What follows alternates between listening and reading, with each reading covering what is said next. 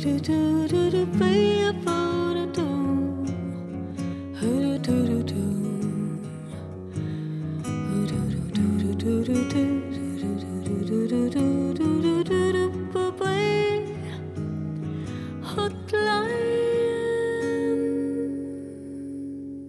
Etter en lang pause så er vi nå endelig tilbake med Hotline, som er Norsk redaktørforenings podkast der vi tar opp ulike redaktørfaglige problemstillinger.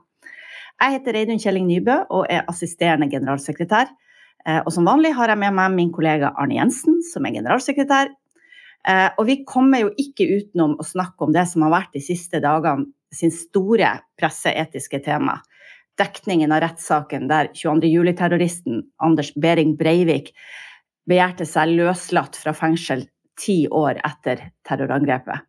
Mediedekninga har vært tema både før, under og nå i etterkant av den tre dager lange saken i Telemark tingrett. Eh, det skal vi snakke mye om i dag, eh, men aller først, Arne, hva synes du om debatten om dekninga? Den har i hvert fall vært engasjert og, og uh, preget av uh, både uh, følelser og, men også saklig engasjement. og så er det sånn i denne debatten som i svært mange debatter at hvor du står avhenger jo litt ofte av hvor du sitter. og det vil si at ulike, ulike aktører har, har inntatt synspunkter som jo preges av deres eget uh, forhold til dette. De som har et, et, personlig og følelsesmessig forhold til det, har uh, ofte vært uh, preget av det. og ulike medieaktører, redaktører og andre har jo vært preget av hva slags medium det er de er redaktører for, fordi at det er også litt ulike utgangspunkter. Så kan jeg si at det, er, det som har overrasket meg litt, er er vel at også blant uh, redaktørene så er det de som jeg syns har gått langt i å eh, antyde at eh, åpenhet skulle være et problem. Ikke i den forstand at man ikke skal gjøre valg i forhold til hva det er man formidler videre fra en sånn rettssak, men, men, at åpenheten per se skulle være problematisk. fordi det er jo noe av eh, ideen i hele rettssystemet vårt. Eh, selv i de vanskelige sakene, eller kanskje aller eh, mest i de vanskelige sakene. At åpenheten er så stor som mulig. Både fordi at vi skal vite at uskyldige ikke blir dømt, men at vi skal vite at de skyldige får sin straff, og at prosessene foregår etter de prinsippene som jeg vet at det, det generelle prinsippet er viktig å, holde, å, holde, å legge i bunn, mener jeg, da, når vi skal diskutere eh, valgene vi gjør eh, ut fra det utgangspunktet. Mm. Eh, jeg gikk tilbake og så, så jeg litt på uh, hva som ble diskutert forrige gang i denne saken. Eller det, at det var en rettssak som involverte 22. juli-terroristen, og det var i 2016. Uh, det jeg kan si, og det kan vi komme tilbake til, det er i hvert fall at jeg ser at mange flere redaktører har deltatt aktivt i debatten om dekninga, både i forkant og underveis. Eh, og forhåpentligvis vil gjøre det nå i etterkant også. Eh, og der, der har det i hvert fall skjedd noe. Eh, men som vanlig så skal vi jo ikke sitte her og snakke bare vi to fra sekretariatet i NR. Vi har med oss to redaktører som har gjort litt ulike valg når det gjelder denne saken. Og det er Tom Erik Thorsen, som er ansvarlig redaktør i Varden, som kommer ut i Skien. Eh, altså meget tett på Telemark tingrett. Og så er det Alexandra Bæverfjord, ansvarlig redaktør i Dagbladet, som har dekka eh, saken tett hele uka.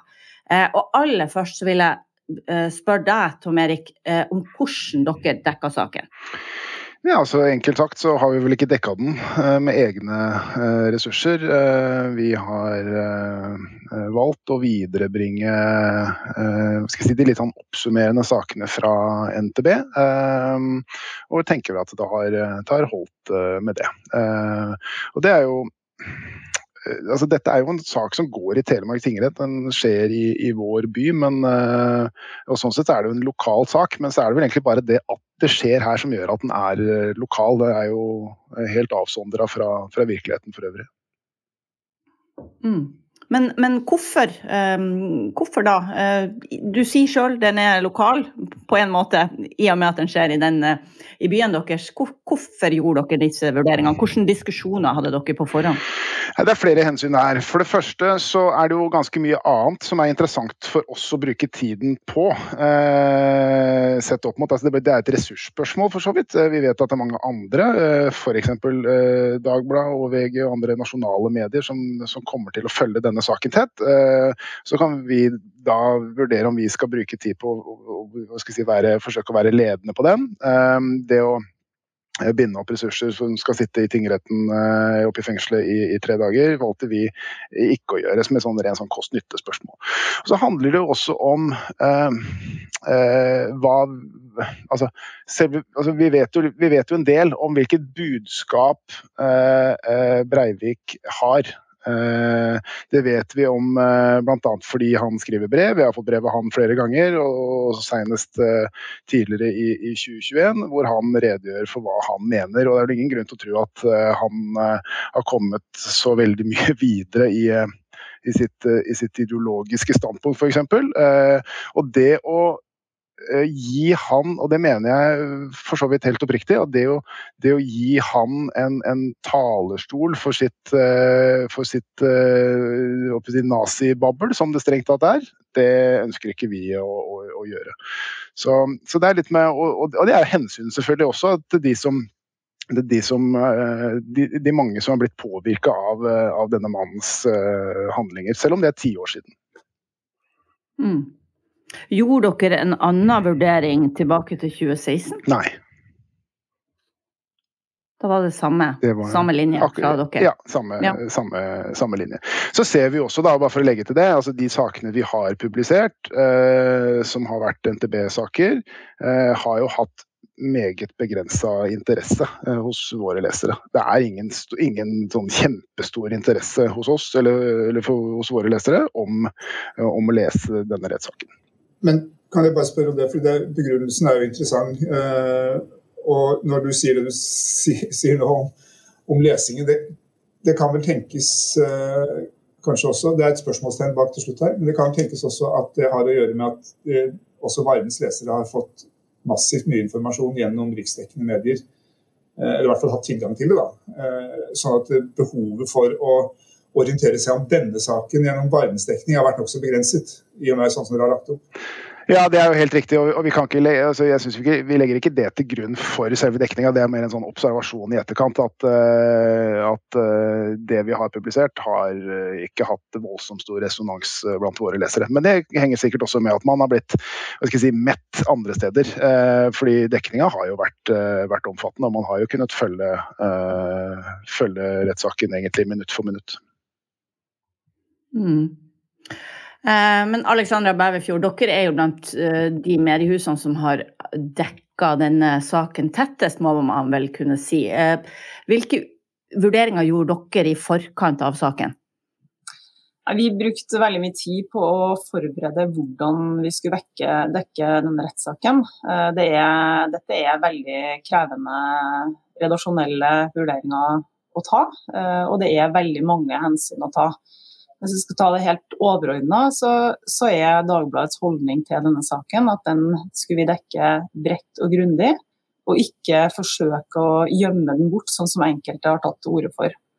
Og det, det, handler jo om etterspillet etter den største terroraksjonen som har vært på norsk jord etter andre verdenskrig. Og da tilsier sakens karakter at allmennheten bør få mest mulig innsyn. Mm. Reagerer du på at noen har forsøkt å gjemme dem bort? Altså, jeg har eh, stor forståelse for at det er ulike synspunkt knytta til de vurderingene her. Jeg har også veldig stor forståelse for at Dagbladets publisering har vekka både debatt og skapt eh, reaksjoner. Eh, jeg registrerer jo at andre medier har gjort andre vurderinger, som sikkert dem også har hatt mange diskusjoner bak. Men i den saken her så, så, tenker jeg at det er bra at det norske mediemangfoldet viser nettopp mangfold i, i dekninga av den rettssaken her. Og, og at, det, at, det, viser at vi nettopp har mangfold, og det bidrar igjen til å opplyse befolkninga. Men hvis vi skal gå helt inn på det som har vært uh, mest diskutert da, i, uh, i, denne saken, så er det jo det med formidlinga av hans forklaring, som jeg på det sterkeste vil avvise er å gi Anders Behring Brevik et, uh, mikrofonstativ. Dette er en forklaring som er gitt i en, en, norsk rettssal, og i en rettssal så er det også rettens administrator som styrer forklaringa. Og, og da har heller ikke sendt den uredigert ut. Den har vært vurdert av erfarne redaktører og redaksjonssjefer underveis. Og man har også tatt ut sekvenser der man har ment det har vært nødvendig. Men kjernen her er jo at den saken her handler om å vurdere hvorvidt Anders Behring Breivik er farlig eller ikke. Og det er også knytta til hvilke holdninger han har i dag. Og Derfor så vurderer vi sånn at hans egen forklaring av helt åpenbare grunner er et sentralt punkt i den rettssaken. Og Vi mente da det var riktig å sende den forklaringa, men med et ganske stort apparat for å sikre og vurdere underveis hva det var som ble sendt ut. Det ble også lagt super og tekst på, det er ikke riktig at det gikk uten kommentarer. Og det var også satt inn i en ganske omfattende dekning, hvor det var mange eksperter og samfunnsdebattanter og berørte som også uttalte seg. Ja, du, du, har jo vært inne på det. Det er utrolig mange presseetiske problemstillinger knytta til dekning av denne saken. Og selvfølgelig masse dere diskuterte i forkant, og så er det ting som har helt sikkert også dukka opp underveis. Hva du syns har vært det aller vanskeligste? Er det akkurat dette med hans forklaring, eller er det helsning bild, å formidle bilder av, av nazihelsning i, for, eh, i, i det saken starta på tirsdag, eller er det andre ting? Nei, altså, eh, Bare for å ta det med, med bildet og nazihilsen, som det også har vært en del diskusjon om, så, så var jo vurderinga for, for, å vise det er jo den samme som vurderinga med å vise forklaringa. Eh, at uh, kjernen i den saken er å se på hvilke holdninger Breivik har i dag, ti år etter rettssaken. Det er klart dette er veldig utfordrende. Vi visste jo at den beslutninga om å sende eh, sende forklaringer, eh, redigert, da, men, men eh, mens den pågikk. Og det å vise disse bildene ville bli krevende. Og jeg har som sagt stor forståelse for at det vekker reaksjoner. Og vi hadde jo mange diskusjoner på forkant òg. Det enkleste ville jo vært å bare la være. Men likevel så mener vi at den beslutninga var riktig. Vi tror det er viktig å få uh, dette fram. Eh, alle som hørte Anders Behring Breivik forklare seg i retten, eh, satt jo igjen med to, to, sentrale ting. Det ene er jo hvor usammenhengende eh, og forkvakla dette resonnementet hans er. Hvor lite det henger sammen, rett og slett. Og det hadde vi også flere eksperter som uttalte seg om i etterkant. Det tenker vi er viktig å få fram i seg sjøl. Og det andre er jo at det er helt åpenbart at han er like farlig som han var for ti år siden. Og det mener vi allmennheten bør ha innsyn i. Mm. Uh, Tom Erik Thorsen, uh, uh, har du lagt deg på det enkleste valget som Har du gjort det enkleste valget som Alexandra er inne på, det å la være å rapportere? Ja, Det er sikkert mulig å argumentere for at det er en enkel løsning. At det er enklere, det er jo helt ubestridt. fordi da slipper man uh, Man slipper jo selvfølgelig å gjøre den jobben med å sitte og uh, luke ut og, og redigere underveis osv. Men det er jo også alltid sånn at uh, i enhver rettssak så har vi som journalister og redaktører en jobb med å velge og velge ut, og for så vidt velge bort. Det er jo veldig få saker hvor alt som blir sagt i en rett, si, går Eh, ut på eteren, enten si, direktesendt eller, eh, eller videreformidla med, med, tekst. Eh, veldig mange typer saker så gjør vi utvalg, og det syns jeg for så vidt er greit å gjøre her også. og så er ikke jeg jeg tenker at jeg er ikke sånn kjempemoralsk forarga akkurat over, over, valgene Dagbladet har valgt å gjøre. Jeg syns det, det, redegjør for det på en veldig grei, grei måte, egentlig.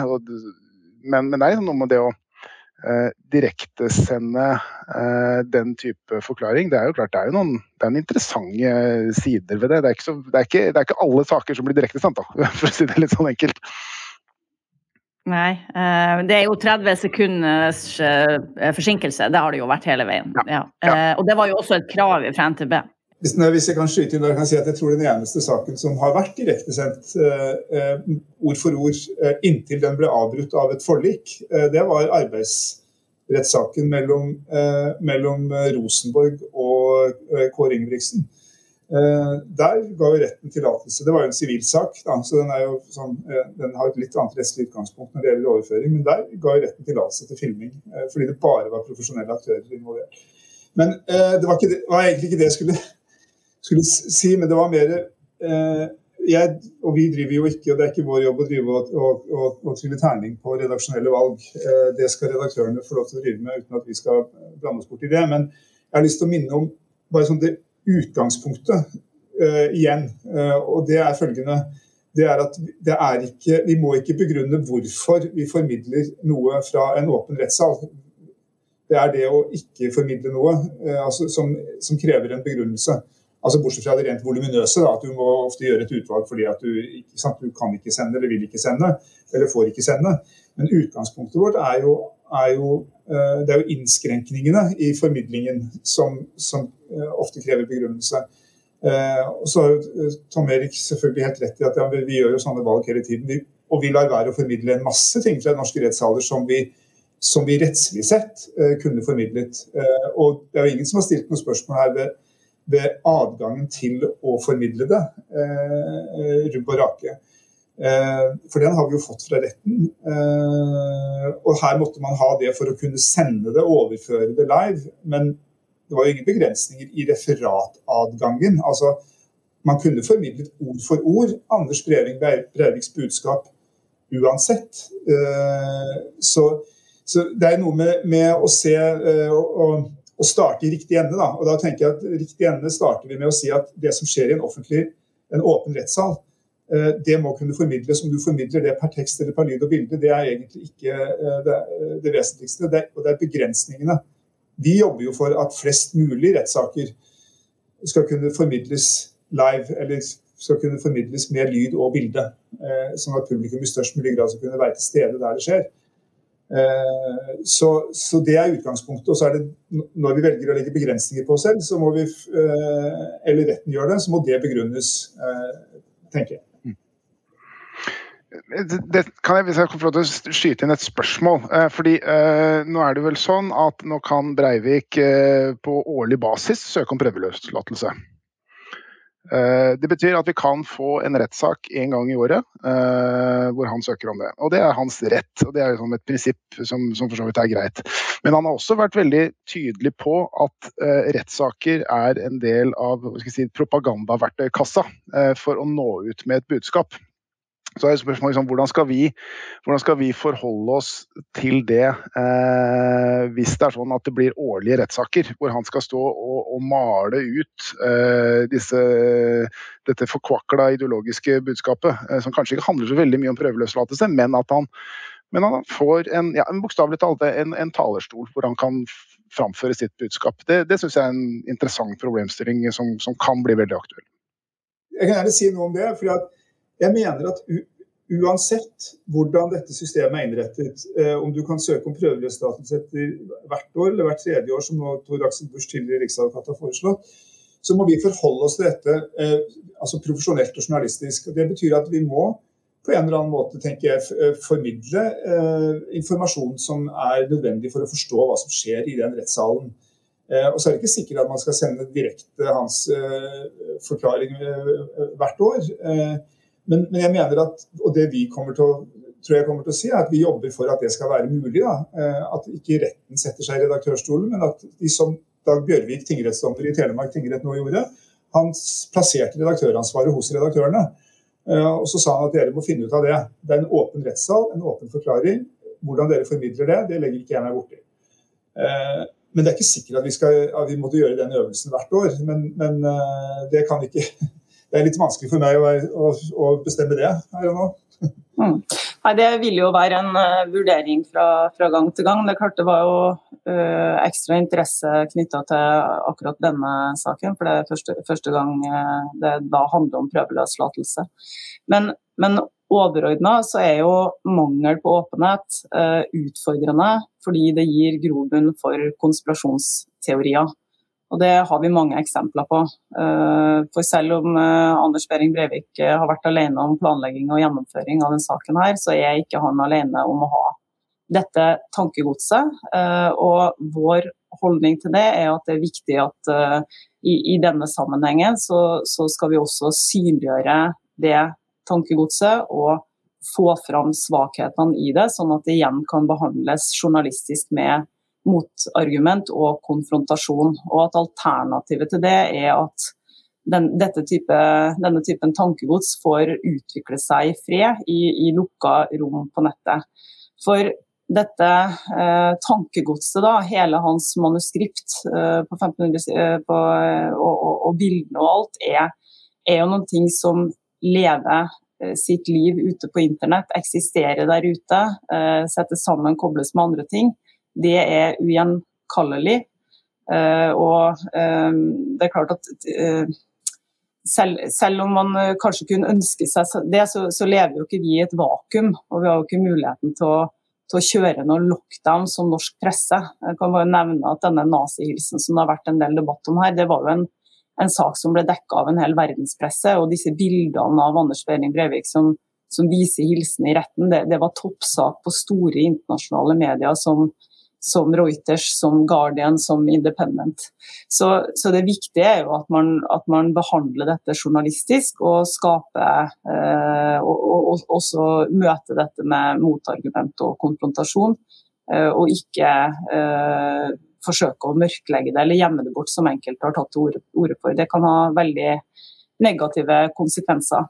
Um, og så bare sette litt i et sånt, så løfte blikket litt, litt, mer, da, så er det klart at en, en, del av pressens jobb det er jo å dekke ondskap. Uh, og opp gjennom historien så har pressen både omtalt og av og til også møtt og intervjua både massedrapsmenn, krigsforbrytere, terrorister, og diktatorer. Det er også en del av pressens oppgave. Du, du nevnte jo når, når, tidligere har man eh, dekka rettssaker på en måte Nei, Vi har jo internasjonale eksempler, Milosevic bl.a., som, som hadde rettssaker som, som, ble sendt direkte også. Um, den forrige store rettssaken i Norge som på noe vis kan sammenlignes med, uh, med den, den, første rettssaken til, til, i 2012, er jo rettssaken mot Henry Oliver Rinnan, som jobba for Tyskland under krigen. Og som hadde sto ansvarlig for å ha torturert mange hundre nordmenn, og også uh, ansvarlig for drap på opptil 80, 80 nordmenn. Det var en sak som gikk i, i, Trondheim. Og når vi ser tilbake på det i ettertid, så ser vi jo at disse rettsreferatene som norske aviser hadde den gangen, de var jo særdeles detaljerte rundt hvordan Rinnan opptrådde, hvordan Rinnan-banden opptrådde i retten, hva de hadde på seg, hvordan de eh, oppførte seg, hva slags tegn de sendte til hverandre. Og dette er jo dokumentasjon som både er viktig og tilgjengelig for allmennheten den gang, men også er en del av det som skal dokumenteres for ettertida. Eh, men Alexandra, hvordan, hvordan, har det vært uh, å være ansvarlig redaktør i det mediehuset som har fått aller mest kritikk for dekninga gjennom hele forrige uke? Nei, det er jo selvfølgelig uh, det, det, det, er jo som jeg sier at vi har jo forståelse for at dette er vurderinger som, som, vekker mye debatt og reaksjoner. og at og at man har ulik tilnærming inn i det. det. Det, var vi også forberedt på. Eh, men det er jo særlig fordi at dette er en sak som, som vekker mange, mange følelser, naturlig, naturlig nok. Og det, og det, er mange hensyn å ta. og det, det er også med i, i, vår vurdering. Men det er jo nettopp når det er såpass sterke følelser som er i sving, at, at prinsippene våre settes på prøve. Eh, og sånn som Dagbladet forholdt seg til dette med å å sikre allmennheten innsyn opp gjennom historien når vi har dekket krevende saker, det, det er jo en linje som, som, vi også følger her.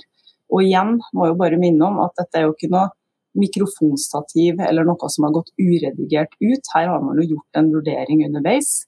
Og konklusjonen underveis når man hørte det som foregikk i retten, var jo at det som ble sagt og det som ble formidla var av en sånn karakter at vi mente at allmennheten burde få innsyn i hvordan han faktisk opptrådde, og hvor, eh, hvor usammenhengende og, og forpakla dette tankegodset han fremførte var. Det tenkte vi at eh, det var et poeng, og la også de eh, seerne og leserne som ønska det, få lov til å følge det selv, og ikke få det kun eh, formidla gjennom, eh, gjennom eh, indirekte tale fra en, fra en journalist eller en kommentator. Men, men dere, har dere gjort endringer underveis? Eh, er det ting som du ser kunne vært gjort annerledes nå i etterkant? Det vil alltid være ting som man kunne gjort, eh, gjort bedre enn dekning, men når det gjelder den publisistiske eh, vurderinga av om det var riktig og i en redigert form med forsinkelse og med erfarne redaktører som har erfaring med å, sende, med å øh, overvåke og vurdere denne type krevende direktesendinger, så, så, så, er vår vurdering at det er en beslutning som vi mener vil stå seg når man i ettertid skal se på hvordan, øh, hvordan man dekte denne, denne saken. Ja, jeg la merke til på tirsdag at dere hadde på fronten i starten så hadde dere bilde av nazihilsenen, men det varte ikke lenge. Eh, det ble flytta ut av fronten ganske fort, og det gjaldt vel også VG, som jeg la merke til gjorde det samme, hvis jeg husker rett. Eh, det er jo selvfølgelig en sånn vurdering av eh, i hvor stor grad skal vi påføre leserne det rett i fleisen når de går inn på Dagbladet sine sider, vil jeg tro. Ja, det var for så vidt en vurdering som vi hadde gjort på forhånd. At vi, skulle, vi dekker jo denne saken i realtid. det er jo det vi gjør når vi dekker Eh, hendelser som dette, og, og at vi ikke skulle, vi skulle vise det når det var aktuelt og relevant i saken for de som fulgte dekninga i realtid, men ikke dvele ved det. Det var årsaken til at vi ikke lot ting ligge ute. og Det er jo også ut fra en helhetsvurdering av hvor stort, trykk skal vi ha gjennom dagen. Det også. Mm. Mm. Eh, jeg snakka innledningsvis litt om det her med hvor viktig det er at eh, redaktørene deltar i den debatten om eh, dekninga sjøl. Ehm, Tom Erik, du skrev jo en leder underveis eh, om Og du har, jeg vet ikke, varsla du deres dekning på forhånd og før det? Nei, vi gjorde ikke det. Så det var, det var mer underveis eller mot, mot slutten av, av saken. Mm. Kan du si litt om hva du delte slags tanker der? Ja, det er egentlig todelt. Eh, eller egentlig så det handler jo egentlig om at eh, det er jo en del som ønsker eh, at denne mannen og det han gjorde, nærmest skal ties i hjel, gjemmes bort. Og han skal, låses inne, og vi skal kaste nøkkelen. Um, men det er, to ting som er litt viktige her. og Det er jo selvfølgelig å, å, å stå opp for det prinsippet eh, Breivik faktisk har, da, eller retten han har til å søke om prøveløslatelse etter, etter ti år. Eh, det er som, altså Rettsstaten Norge eh, virker. Eh, den virka eh, i kjølvannet eh, av 22.07, eh, og den virker nå fortsatt. Det er, det er en, en, rettighet han har. Selv terrorister har den type rettigheter. Og så er det en bærebjelke i, i rettsstaten Norge og et åpent, liberalt og vestlig demokrati at pressen pressen kan rapportere fra, eh, fra retten. Og så, så, må vi velge hva vi velger å publisere og ikke. Da. Eh, og jeg syns det er veldig fascinerende egentlig å se hvor stort spenn og, og, og spekter det er i dekninga av den saken her. Uh, vi, altså et, et, konkret eksempel er jo f.eks. hvordan eh, TV 2 var det vel, hvordan de sladda budskapet på, som, hadde, som han hadde teipa på kofferten av seg sjøl, eh, mens andre valgte å ikke gjøre det. Uh, så, så, så, det er jo ja, det, er, det er mange måter å dekke på. Jeg syns det, det at det er så stort spekteret det viser at, altså at, vi har et veldig levende mediemangfold uh, her i landet. Altså at, ikke alle, at ikke alle velger det samme, det er på sett og vis betryggende, det også. Det er vi i Norsk redaktørforening definitivt enig i. Um, hva du tenker, uh, Arne, om at redaktørene eh, deltar så mye i debatten om dekninga sjøl?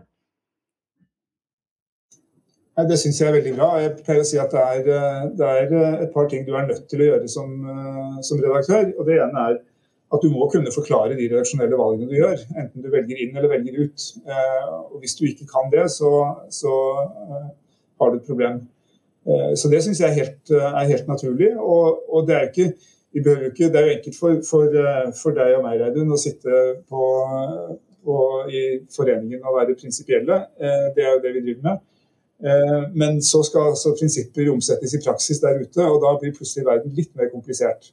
Eh, og det har vi, skal vi ha, det har vi veldig stor respekt for. Eh, at det kan eh, munne ut i litt ulike løsninger ut fra hvilket medium man redigerer, og ut fra hvilket publikum man potensielt eller i størst mulig grad henvender seg til, osv. Så, så det er, er, Men jeg tror vi må vi, Det vi ikke kan det vi ikke kan kompromisset som vi er med, det er, eh, tror jeg, det er ønsket om at i bunnen av alt dette skal det ligge en størst mulig grad av åpenhet. Og at det ikke er domstolene som skal foreta masse vurderinger av hva som er fornuftig og ikke fornuftig å formidle, men at det overlates nettopp til, til alle de eh, skal jeg smigre litt, veldig kloke redaktørene vi har i de norske redaktørstyrte mediene, som, eh, som tar, tar, dette seriøst og, og tar sine, sine valg. Derfor så jobber jo vi for utgangspunktet, som vi gjorde denne gangen også, størst mulig grad av eh, tillatelse til å formidle. Og så må redaktørene ut fra det velge. Eh,